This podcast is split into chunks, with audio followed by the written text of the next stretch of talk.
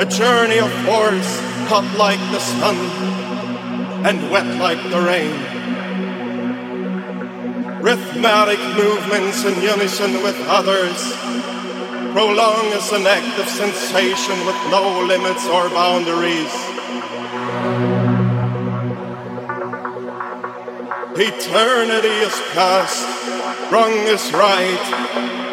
It's the point of greatest intensity, measures of the highest sense, feelings of warmth and security willing and unwilling sensations of the mind, the condition, the ultimate seduction,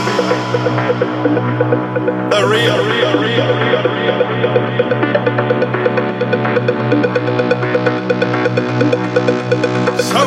For your mind, your body, and your soul.